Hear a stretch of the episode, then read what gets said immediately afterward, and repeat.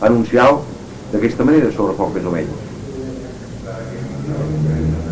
Els nostres defectes s'inicien on acaben les nostres qualitats. És a dir, els nostres defectes no són ni més ni menys que les sombres de les nostres qualitats.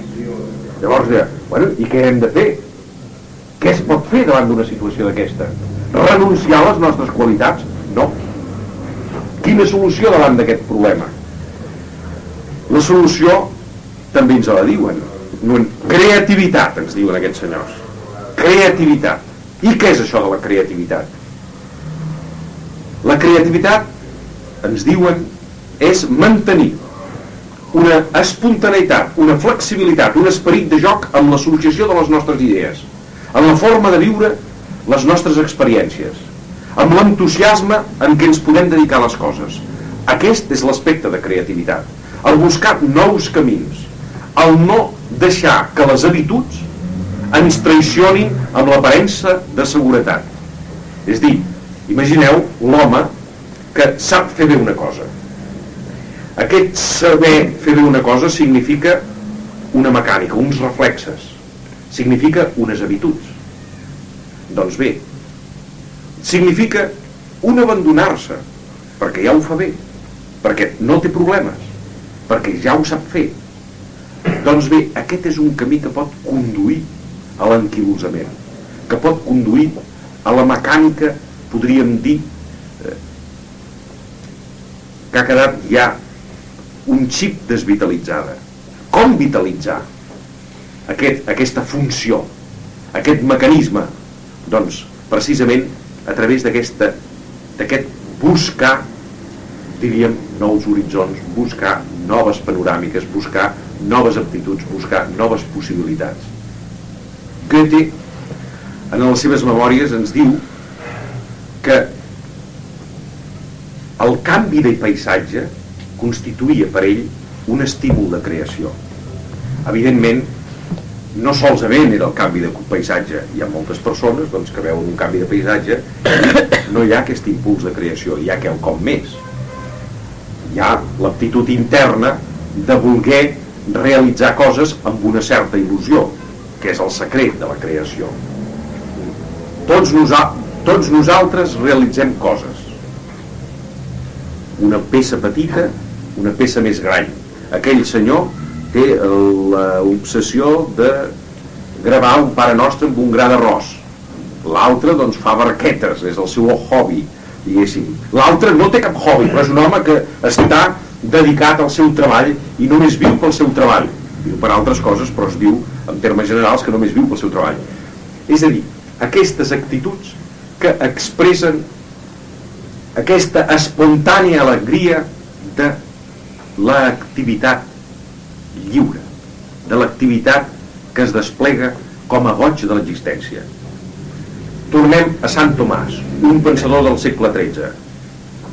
Diu una frase en llatí que té plena actualitat en els nostres dies, en aquest terreny, en aquesta temàtica a la que ens estem referint. Ens diu, el plaer, l'alegria, el goig, són resultant d'un orga que funciona bé. Fixeu-vos, un teòleg, fixeu-vos, un home que estava sempre amb un nivell d'especulació lluny de les coses concretes. A través de totes les obres que va escriure, aquest bon personatge, aquest bon pensador, a través de les obres que va escriure, que van ser moltes, doncs solament una vegada fa una referència en un cas concret parlant d'un indument de les dones de Nàpols. Només amb tota l'obra, que és una obra basada en altres llibres, en altres autors, només una sola vegada fa referència a un cas concret. Eh? En, el, en els seus llibres de moral, quan parla de l'indument, de com cal vestir, tal i qual, fa referència a un cert vestit que duien a Nàpols i era de, era de per allà, doncs, en fi, és una referència que els, els especialistes en l'estudi d'aquest autor doncs, han trobat, mireu, és curiós, aquest senyor una sola vegada ha fet allò. Doncs bé, aquest pensador, aquest teòleg, home que ha paït molts llibres, molts llibres i que se'n diu amb un terme potser una mica pejoratiu que té una cultura llibresca basada en els llibres aquest home ens dona aquest, aquest principi aquest indicum que podria ser quasi bé d'un biòleg. És dir, quan un organisme funciona adequadament produeix aquesta sensació de plenitud, d'alegria, de goig, de plaer. Diu, el plaer és la resultant d'un òrgan que funciona bé. Doncs bé, aquest principi sembla que és la condició psicològica a través de la qual l'activitat té un signe constructiu. Llavors, direm, bé, i quan no es produeix d'aquesta manera aquesta activitat, què passa? Passa el mateix que passa amb un mecanisme. Hi ha quelcom que impideix que això funcioni. Les causes poden ser de molt ordre i aquí no farem pas una anàlisi exhaustiva de totes les causes que poden donar un, un neguit, podríem dir, o poden ser un impediment per un funcionament mm, de plenitud dintre de l'activitat d'una persona. Poden ser causes d'ordre fisiològic, eh, poden ser causes d'ordre psicològic. Evidentment, dintre del terreny psicològic veurem que els condicionaments que impideixen l'adequat funcionament de les nostres estructures interiors són, per regla general, de tipus emocional. Són sentiments que semblen conceptes, que semblen raonaments. És precisament el terreny d'allò que no volem entendre. Però no ho volem entendre perquè no ho entenguem bé, tenim possibilitats d'entendre-ho bé, sinó perquè ens hem d'adaptar millor. Llavors veiem que al costat del ordre racional hi ha un ordre cordial. Un ordre del cor. Per regla general entenem aquelles coses que estimem. És un fet empíric. S'ha establert també estadísticament. Es reté amb més facilitat allò que s'aprèn amb un ambient agradable.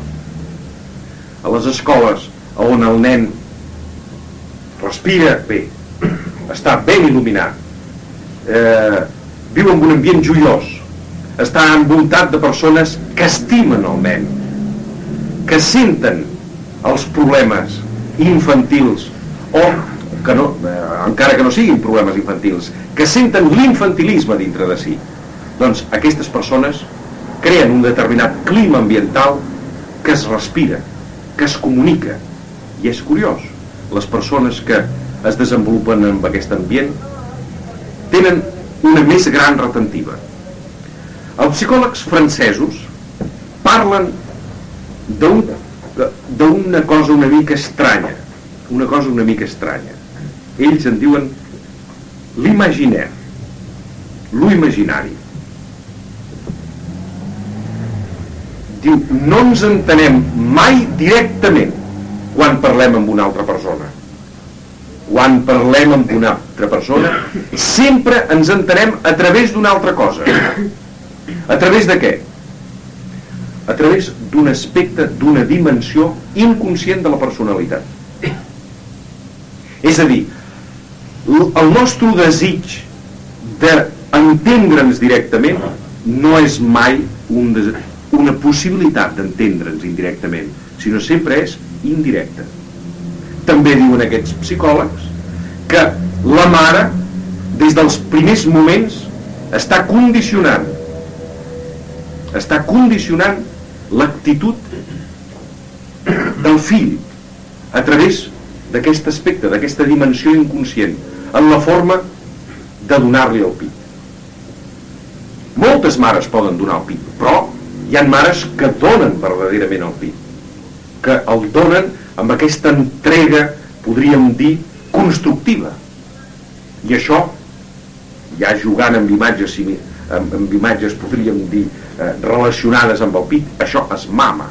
Això a través d'aquesta succió de l'infant es va assimilant terrible problema desitgem un contacte directe i ens veiem obligats a mantenir un contacte indirecte a través d'aquesta dimensió inconscient. En realitat, en aquests moments, vostès estan observant amb una persona que els està dient una sèrie de coses. Vostès en veuen directament? Sí, sembla que sí, però el tanto. Quan vostès percebeixen, en realitat estan posant en joc totes les imatges del seu inconscient estan enquadrant la meva imatge dintre d'un marc que preexistia. Jo m'assemblo, potser, amb una persona que els hi ha sigut antipàtica o potser que els hi ha sigut simpàtica. I això està condicionant aquesta percepció. Podríem dir no percebem mai res en plena puresa. Sempre hi ha un condicionant previ.